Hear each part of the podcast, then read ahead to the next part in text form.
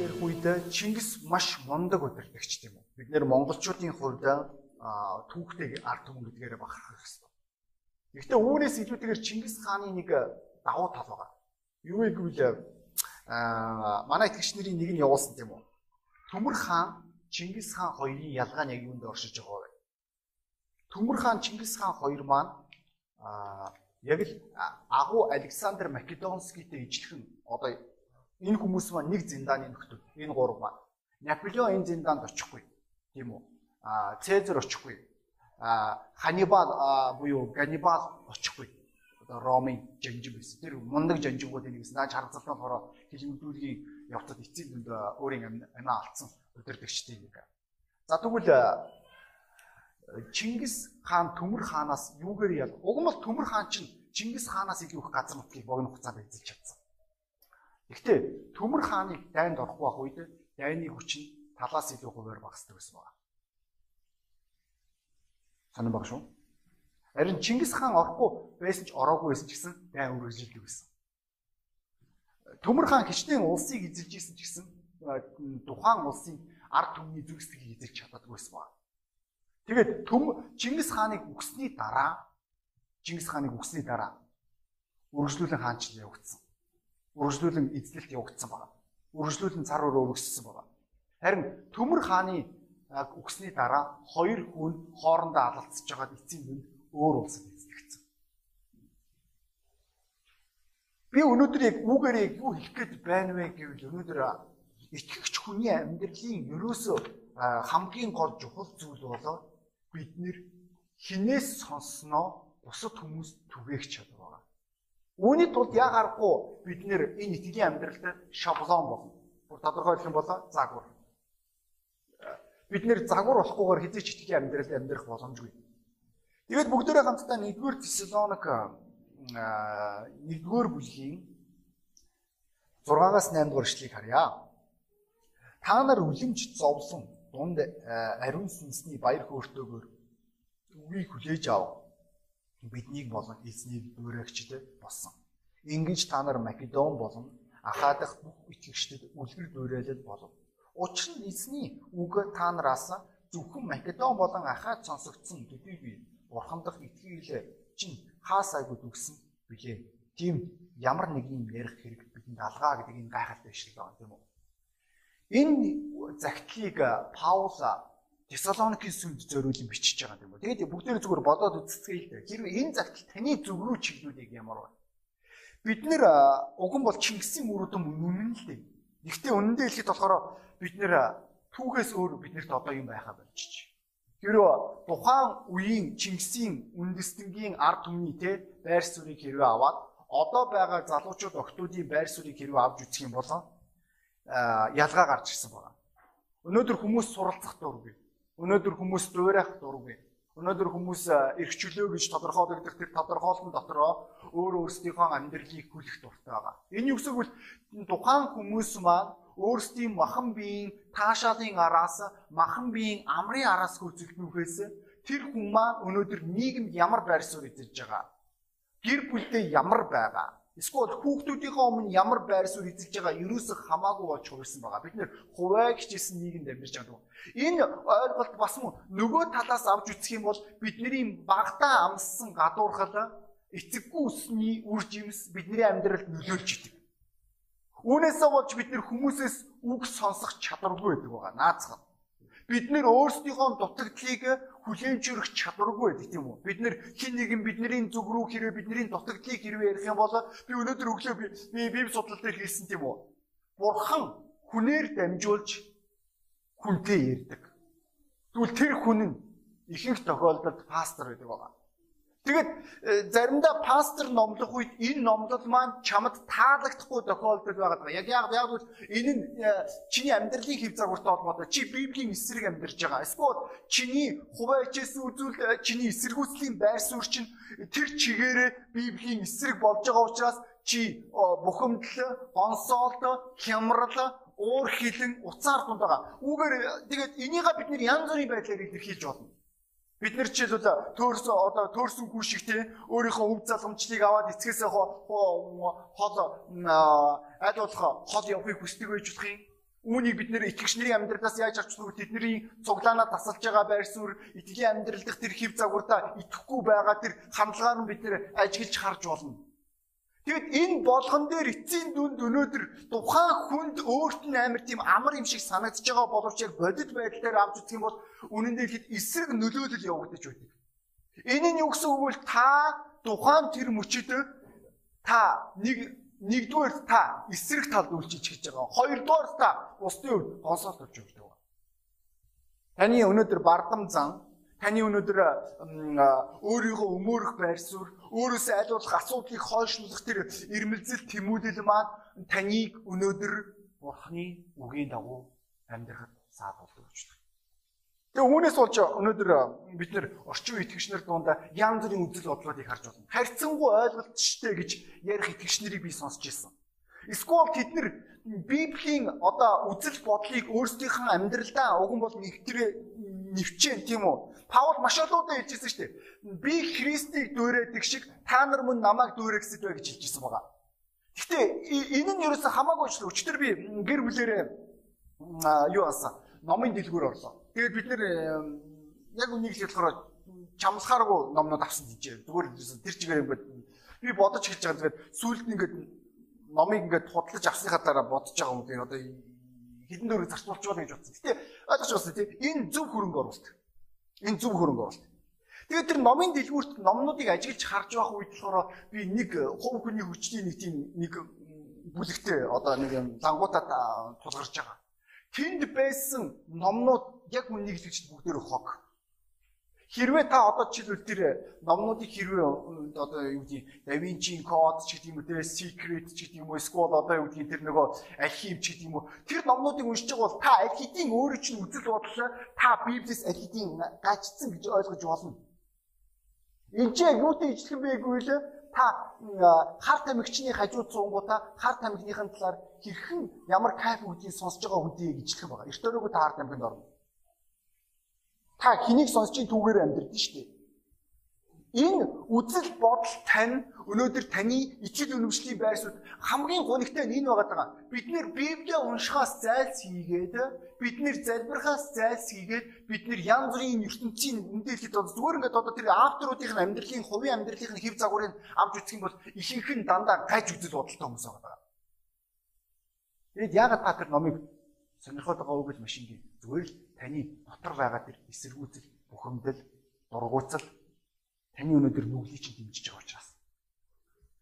Ийм учраас та тэр номнуудыг унших дуртай.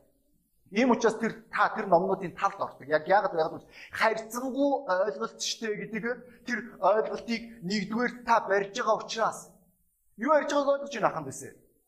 Ингэснээр бидний өнөөдөр хамгийн ихтгэл үнэмшлийн хамгийн чухал ойлголт болгоо шавьчлал гэдэг зүйл маань устж эхэлж байгаа. Бид нэр буруу зүг рүү өөртөө итгэлтэй болж байна. Тэгэд энэ үзэл бодол маань бидний бүх бүсүүдэд нөлөөлдөг байна. Үүнээсээ ч болж бидний хамаатан цаад аврагддаг. Бидний ойр дотны хүмүүс бидний хүндэлдэггүй итгэлийн нүшилнэ. Бидний араас хүмүүс дагдаггүй. Яг яг харж байна. Бид нэр энэ ишлэл дээр маш гайхалтай загварын сүмийг харж иж байна. Энэ сүмүүдийн нэг нь бол яа харахгүй Антиохийн сүм тийм үү? Энэ сүмүүд маань охин сүмүүд үнэн. Ихтэй харж байна энэ сүмүүд маань нэгэн цагт бас мөн их сүм болсон байна. Ойлгож байна. Бид нар энэ чинь их сүмийн зураглалыг харж байна. Энд чи Паул ихтэй та нар их сүмийн хувьд зөвхөн Македон биш, зөвхөн Ахаа биш. Та нар мөн өөр бусад ахан дүүсийн ихтгэл сайнаар эргээр нөлөөлж чадсан юм а гэж хэлж байгаа. Бид нэр ойлгох ёстой болоо их сүмийн хувьд. Итгээр ахан дүүсээ багнуур байна уу, эрдэнтэй байна уу, дархан байна уу хамаагүй. Энэ сүмүүдийн итгэл үнэмшлийн зоригжуулалт, урамшуулалт тэдний гаргаж байгаа алхамд яг үнэндээ бол Волгодогийн сүм нөлөөлж чадахгүй. Үнэн шүү. Эсвэл Америкийн сүм ч нөлөөлж чадахгүй, Канадын сүм ч нөлөөлж чадахгүй. Та нар нөлөөлөх болно. Энэ газар байгаа хүн болгон нөлөөлнө. Та нарын гаргаж байгаа шийдвэр болгон та нарын гаргаж байгаа алхам болгон та нарын ярьж байгаа үгс болгон бидний амьдрал нөлөөлж идэг. Тэгээ бидний өмнө сонголт хүрч ирж байгаа. Нэг бол бүгдөө аханд дүүсийнхаа хувьд буюу охин сүмүүдийнхээ хувьд урамшуулал зоригжуулалт нь байна. Эсвэл зүгээр бид юу ч байхгүй байна. Энэ сонголтын өмнө бидний энэ ишлэл биднийг аваачиж байгаа. Ойлгож байна. Үлгэрлэн дуурал. Үлгэрлэн дуурал гэдэг чинь өнөөдөр үнэндээ бол тэр чигээрээ шавьчлыг би та бүгд ойлгож байгаа. Тэгвэл шавьчлалын хамгийн онцгой зүйл нь юундээ оршдог вэ гэвэл шавьчлал чамаас өөрөөс чинь хувийн золиосыг шаарддаг учраас.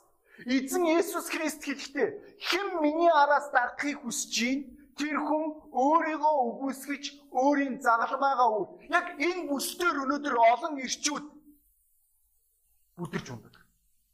Энэ бүсдээр өнөөдөр олон охтууд бүдэрч ундаг байгаа. Тэгээд тэд нар энэ өсгөөс эхлээд тэд нар микрофон унтраадаг. Чивчээ өөрөөсөө салгадаг. Бид нэр аль болох энэ зүйлсүүдийг сонсохыг хүсдэггүй. Яг яагаад вэ? Яг л ойлгож байна. Энэ бол цэвэр тухайн хүний хуваач исэн зантай холбоотой ойлголт болохоос тэрнээс эсэргээр биш. Энэ нь тухайн хүний өөрийн одоо амьдралдаа гаргаж байгаа тунхлал байгаа. Би хэний ч өмнө үлгэр жишээ баймааргүй байна. Би өөрийнхөө зөвхөн өөрийн хүсэж байгаа зүйлийг хиймээр байна. Би энэ амьдралд таашаал авч амьдрмаар. Би ямар ч золиос төлмөөргүй. Би ямар ч хариуцлага хүлээмээргүй. Би эргэн тойрноо зөвхөн өөртөө таалагддаг тэр хүмүүсийг л байлгахыг хүсэж байна. Библи юу ч хэлэх нь хамаа байхгүй. Би өөр ингэсэн өөрийн үзэл бодолтой. Энэ шалтгааны улмаас миний ертөнцийг бүрдүүлж байгаа харж байгаас энэ чинь эцэг дүнд өнөөдөр үлгэр дуурайл гэдэг юм ерөөсөө яригдах байгаа. Дараагийн үе гэдэг байх байна шүү дээ энэ хүмүүс. Бид нэр янз бүрийн улсуудын үзэл бодлуудыг ажиллаж харж байна. Бүр хамгийн их тод томрон үзэл бодлууд Японд байгаа даа тийм үү? Тинчээ залуучууд маань хүүхэд гаргахгүй гэдэг шийдвэр гаргаж байгаа. Бүр тэд нэр ерөөсө хоорондоо нийлэхгүй учрахгүй гэдэг шийдвэр гаргаж байгаа. Энд чинь юу гэсэн үг вэ гэвэл яг үнэндээ болохоор улсынхаа эсрэг дайсагнал байгаа. Тавны хэрэг ойлгохгүй бол үр өдөм үргэлжлэхгүй гэсэн үг. Энэ бол дэндүү хуваачсан ойлголт. Бид нэр энэ дэндүү хуваачсан ойлголтын улмаас бид нэр энэ нийгэмд манай бүр наацхан Улаанбаатарт энэ их хэмжээний аборт байгаа. Аборт гэдэг бол зөвхөн өөрөө өөрийгөө бодож байгаа хүмүүсийн шийдвэр. Эсэргээр биш. Бусад хүмүүс юу ч их юм ерөөс амаахгүй. Би хүүхэд гаргаж зовмоор байна. Би залуу байна. Би амьдралаа бодмоор байна. Яг гоо би алдсан гэхдээ би алдааныхаа хариуцлагыг би хүлээмээргүй. Оо ойлгож байгаа сте тий. Энэ үзэл бодол маань өнөөдөр биднийг итгэлийн амьдралдаа эрүүлэр зөвөр алхахад цаа болж байгаа. Эцсийн төд өнөөдөр бид нэр бусдын удмаас олдох байна. Тимотер юу хэлж байгаа вэ? Бусдад сургах чадвартай үнэн чүнд сурга. Итгэмжтэй үн. Энэ газар байгаа хүн болгон тий аж аргалтай амьдралыг хүсэж байгаа. Энэ газар байгаа хүн болгон амжилттай байхыг хүсэж байгаа. Гэхдээ энэ зарчим хизээч өөрчлөгдөхгүй найснараа үр өгөхгүй үр жимсийг хизээч гаргахгүй. Таны өнөөдөр үхэлтэй бусад хүмүүс амьдарч байдаг. Энэ хитрхи харгас сонсогдчихж болох юм. Гэхдээ таны хуваачсэн долиосын талаар яриад байна. Таны хуваачсэн зан чин хэрэг үхэх тэр мөчд тийм үү? Та жинхэнэсээ боддогоор үр жимс гаргаж чаддаг байна. Энэ нь гэр бүлд хамаатай Би сая хүртэл хэлсэн те одоо жишээлбэл аа хүүхдүүдийн хүмүүжлэлтэй холбоотой байна. Санхүүгийн бүсдээр холбоотой байна. Тэгээ энэ болгон дээр ахын үсэ бидний өмнө үргэлж үлгэр дөөрэлэл гэдэг ойлголт ярьдаг. Ийм л учраас шавьчлал гэдэг зүйл чинь маш үн цэнтэй байгаад байгаа. Би гэр бүл байгуулахаа би мэдэхгүй. Ямар гэр бүл байгуулахыг ойлгохгүй. Жишээлбэл би хүүхдүүдээ яаж хүмүүжүүлэхээ би мэдэхгүй. Миний хүүхдүүд ирээдүйд хэн болохыг би энэ зүйлсүүдийг би мэдэхгүй. Би хинтээ гэрлэхээ мэдэхгүй байна. Би хэнийг сонгохоо ойлгохгүй байна. Би санхүүгийн бүсдээр яаж шийдвэр гаргахаа би мэдэхгүй байгаа. Амьдралын өдөр тутмын бүсүүд дээр би ямар шийдвэр гаргадагаа би сайн мэдэхгүй байгаа. Тэгээд энэ болгон дээр миний пастор надад тус болж исэн. Миний пастор надад амьдралын үзэл бодлыг сургасан байна. Одоо чи наацхан наран тулд 8 хийх зааж гисэн. Яаж 8 хийх вэ? Наран тулд ч юу? Тэгээд наазах нь хувцсны материалын одоо яг юу руу н анхаарлаа хандуулах хэрэгтэй. Загварын яг юу руу н анхаарлаа хандуулах хэрэгтэй. Гонж авал гонжны яг юу руу н анхаарлаа хандуулах хэрэгтэй. А мөн дараад нь охинтой үерхий гэж ярих үед тэр охины яг юу руу илүү өргөлт авах хэрэгтэй. Дараад нь үерхсний дараа гэр бүл байгуулна гэж ярих үед гэрлэх үедээ чи яг юу юуг мэдж байх хэрэгтэй. Гэр бүл байгуулсны дараа гэр бүлийн хоорондын эхнэр нөхөр хоёрын хоорондын асуудлууд ирээд яг ямар байр сууриаар нөхрийн хувьд хандах ёстой. Санхүүгийн асуудал гарч ирлээ. Тэр үед болохоор яг ямар байр сууриаар эхнэртэй хандах ёстой, мөн ямар байр сууриаар санхүүтэй хандах ёстой зааж гисэн. Энэ үлгэр дүүрэлэл гэдэг маань миний амьдралын турштай байсан. Тэгвэл заримдаа хүмүүс маань тэгж хэлдэг юм уу? Би хэнийг ч дүүрэмээр байна. Би пастораас асуумаар байна. Тэрнээс юугээ асуудгийг, юугээ мэддгийг, юугээ ойлгохгүй. Би ийм хүмүүс зүгээр нэг л зүйлийг хийж чадна. Пастортайгаа харилцаатай гэр бүлийг хараарай. Пастортайгаа харилцаагүй гэр бүлийг хараарай та.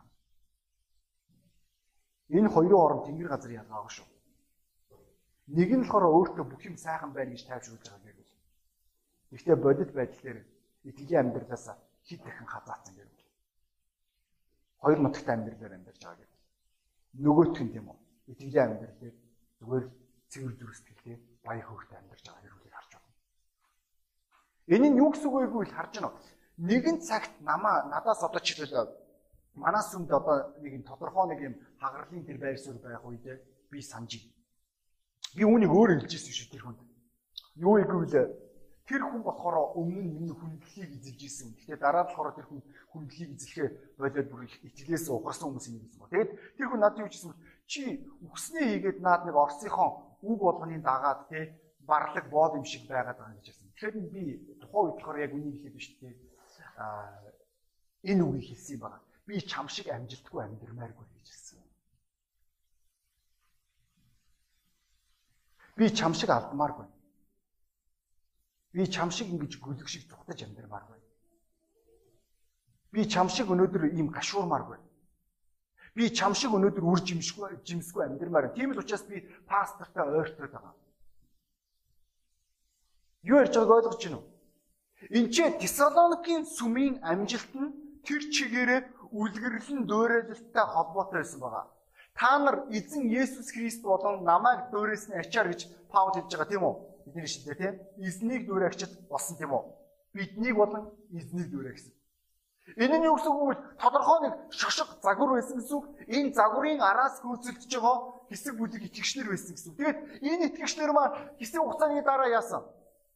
Бусдад нөлөөлж гисэн ба. Өнөөдөр үүнийг өнөөдөр Христэд итгэх амьдрал гэж Үүнийг өнөөдөр бид нэр итгэлийн амьдрал дах амжилтын суурь гэж хэлж болно. Яг л хинч чамд зааж өгөөгүй байхад чи тэр завхрыг үүсгэн энэ бол хийх. Би гэр бүл байгуулж байгаа би бүх хүмүүст та өнөөдөр нөхөр боллоо гэж та бүх юмыг мэднэ гэсэн үг юусэн биш.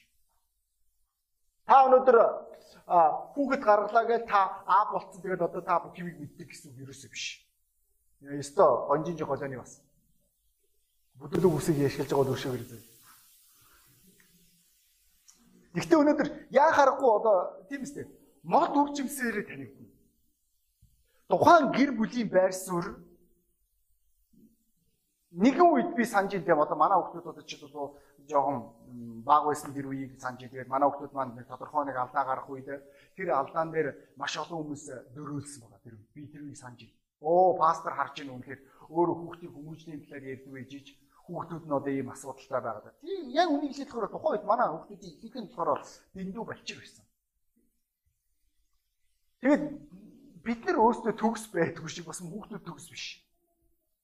Гэхдээ өнөөдрийн одоо яг энэ ойлгож байна. Миний өнөөдөр итгэлийн амьдралдаа бариад байгаа одоо яг миний одоо гэр бүлдээ бариад байгаа зарчим эсвэл хүүхдийн хүмүүжлэлээр бариад байгаа зарчим чинь миний зохиосон зарчим ерөөсөө биш. Энэ дээр ерөөс ямар ч миний патент байхгүй байгаа. Энэ гол пастраас би суралцсан. Би гол пастраас үлгэрлэн дөөрэлсэн байгаа. Тэгээд би хамгийн анх хүүдээ ном унширсан байна.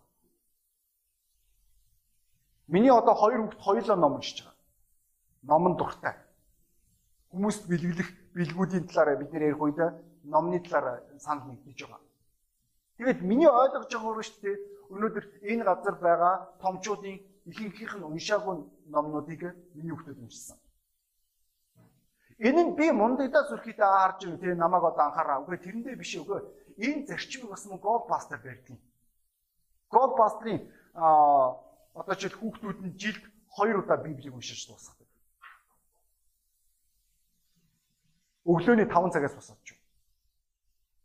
Энэ солиор л ойлгож байгаа тийм хүүхдүүд чинь бол үнэхээр чамд үнэхээр хэмжиж. Тэгээд хүүхдүүд нь гэрийн одоо хүмүүжлийг авсан ч гэсэн гэрийн одоо хичээлийн сургалтыг авсан ч гэсэн тэд нэр нийгэмд маш өндөр байр суурийг эзэлж байгаа.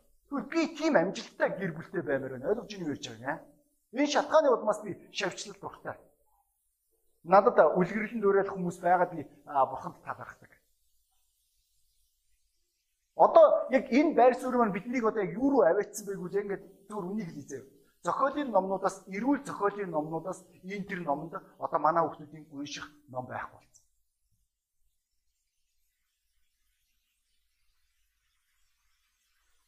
Энэ маань үр жимсэн өгч ийн ойлгож байна уу? Миний гэр бүл. Энэ маань үлгэрлэн дүүрээлийн үр жимс. Тэгвэл Тесалоникийн сүм тийм үү? Яг л энэ үр жимсийг атгсан болж таарж байгаа. Үүгээр шавьчил гэдэг зүйл маань асар үнэтэйдэг. Эзний өмнө зөвхт амьдрахад чамайг тусалдаг гэж хэлж байна. Та надтай хамт аа шаштрын дид номыг нэхгүй юу? Шаштрын дид ном. 24 дүрлэг.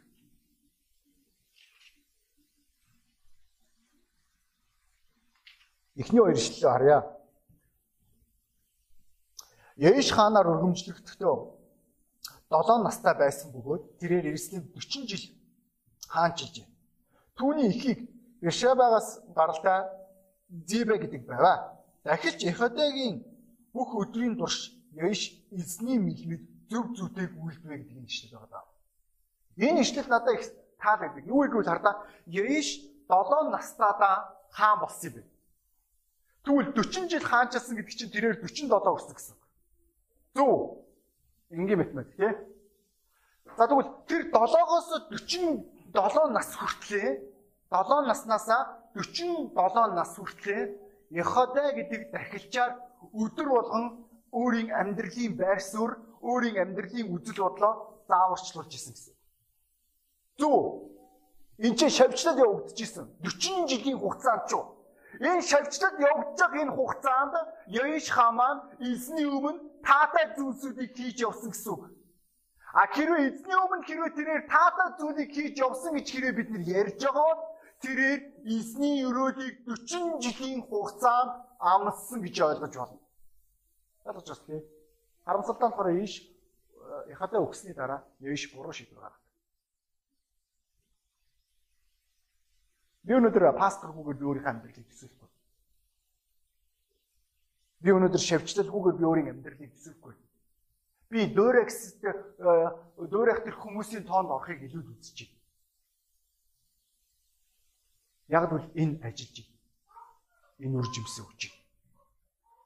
Энэ шатгааны улмаас бид их сүмийн хувьд өнөөдөр үлгэрлэн дөөрэх дөөрэх тэр хүмүүсийн тоонд орох маш чухал манайхаа Та нар өнөөдөр яа харахгүй охин сүмүүдийн хувьд бахархал байх ёстой хүмүүс. Та нарын итгэл үнэмшлийн зарчим, та нарын санхүү хандах хандлага, та нарын амьдрал хандах хандлага, та нарын Библиэд хандах хандлага, та нарын бурханд хандах хандлага, та нарын үйлчлэлд хандах хандлага, та нарын сайн мэдээнд хандах хандлага, та нарын сүнслэг дэг журамд хандах хандлага. Тэр ерөөсө тэр чигээрээ ерөөсө бусдын үед үлгэрлэл байх ёстой болов. Дарснаас нь эсвэл өөр бусад аймагуудаас хурж ирж байгаа охин сүмийн итгэгчнэр маань та нарыг хараад хэлэх ёстой. Би энэ гэр бүлтэй ижилхэн гэр бүлтэй байна. Би энэ гэр бүлтэй ижилхэн амжилттай байна. Энэ үед өнөөдөр бид нэр тэлэх гэдэг ойлголтыг ярьдیں۔ Ойлгож байна тий? Бидний хүн болгон том мөрөөдөх хэрэгтэй тийм үү? Мөрөөдөлгүй хүн амьдрал та бүр ялангуяа итгэлийн амьдрал дээр мөрөөдөлтэй байх маш чухал байдаг. Та өнөөдөр итгэлийн амьдрал дээр бурханд хувь тавилангаа олох маш чухал байдаг байгаа. Бурханд хувь тавилан гэр бүл байгуулах ерөөсөө биш шүү дээ. Ингээд дуусчтын ерөөсөө байхгүй. Ингээд дуустдаг бол өстой тэгээд өстой диважнаар явчихмаар шүү дээ. Гэрлэл диважнаар явчихмаар. Тийм юм байдгүй шүү дээ. Энэ газар байгаа гэр бүлүүдийн хинд илчил болсон бай. Гэр бүл байгуулаад дараа нь хүүхэд гаргадаг гэдгийг ойлгосон. Тэгээ хүүхэд гаргаад хүүхдээ хүмүүжүүлдэг гэдгийг ойлгосон. Тийм ээ? Ингээд дуусчдаг гэж ирсэн бид нэр тийм ингээд хүүхэд гараад тэгээд хүүхэд нь ерөөсөө би итгэж чивж миний хүүхэд итгэж чивгүй тийм байдгүй шүү дээ. Та нар хардаа тэр ард сууж байгаа тэр залуучууд юм шүү дээ. Манай тэр сүмийн тэр оогоруудыг хэрвээ та нар арах юм бол тэдний дэвтэр дээр зурдаг шүү дээ өмнөх жилийн одоо заад цугдэрдэг байх үеийн өмнөх зургуудыг та нар харах юм бол ухаан алдсан шүү. Ямар амар харгислал вэ гэж бодсон Хүүши итгэгчийн хүмүүс ийм юм зурд юм уу гэж бодохоор шүү. Надаа үзүүлсэн. Би бүр харангуудан гайхсан. Энийг нэрнгэсэ зурсан мó. Тийм. Тинчээ зүгээр тий. Мария тэнгэр элчийн зураг байгаа. Тэгсэн чинь тэнгэр элч Марийг хутгалж авч байгаа байхгүй. Энийг болохоор цуглааны үеэр хийсэн гэдэг. Энэ үзэл бодол суудсан биш тийм. Тэнгүүдээ та нар бодож байгаа. А миний хүүхэд миний хажууд байгаа юм чи ямар ч ард сууж байгаа хүүхдүүд ямар ямар миний хүүхдүүд биш те. Миний хүүхэд миний юм чи арай өөр үгүй шүү дээ найзаа. Юм гин. Тэмээд юу ярьж байгааг ойлгож байна найзнараа. Өнөөдөр бидний үлгэрлэн дуурайлмаа бидний цар хурал бүргэсгдэг. Би итгэлтэй байна. Одоо энэ ч байгаа гэр бүлүүдтэй удахгүй нэг юм жаазан дотор орно та нар оршуулгын жааз биш шүү. Улаан амга тий тууцтай тийм биш. Тэр жаазан дээр та их нэртэйгээ зогсож байна. Гэхдээ сууж юм эсвэл. Та нарын таалаа. Тэгээ хажууд нь шүү дээ. Хүү юм октод ч байх болно. Хүү юм октодын чи хажууд ихнэр нөхрүүд нь байна. Ихнэр нөхрүүдийнх нь хажууд хүүхдүүд нь байна. Заримуд нь 30 40 харна. Та нар гэж. Тэгээд тэнгуут нэг юм барагцаадах юм бол нэг юм 14-өөс нэг 24 хүмүүсийн бүрэлдэхүүнтэй нэг юм том жаад гарч ирнэ гэсэн үг. Юу ч ойлгож байгаа тийм. Тэнгүүтээ та тэр жаазан хараад хэлж бодох юм уу? Энэ итгэгч өөрөө. Мянган жилийн өмнө. Тэ? Мянган үе. Эсвэл энэ маань угаас өндөрч ирчүүл. А тэр маань одоо үхэгүйсэн бол. Хартай байх. Тэр маань шоронд ороог байсан байна. Тэр охин маань яг л янхан шиг тий эндэрэг байсан байна. Сайхан байхгүй.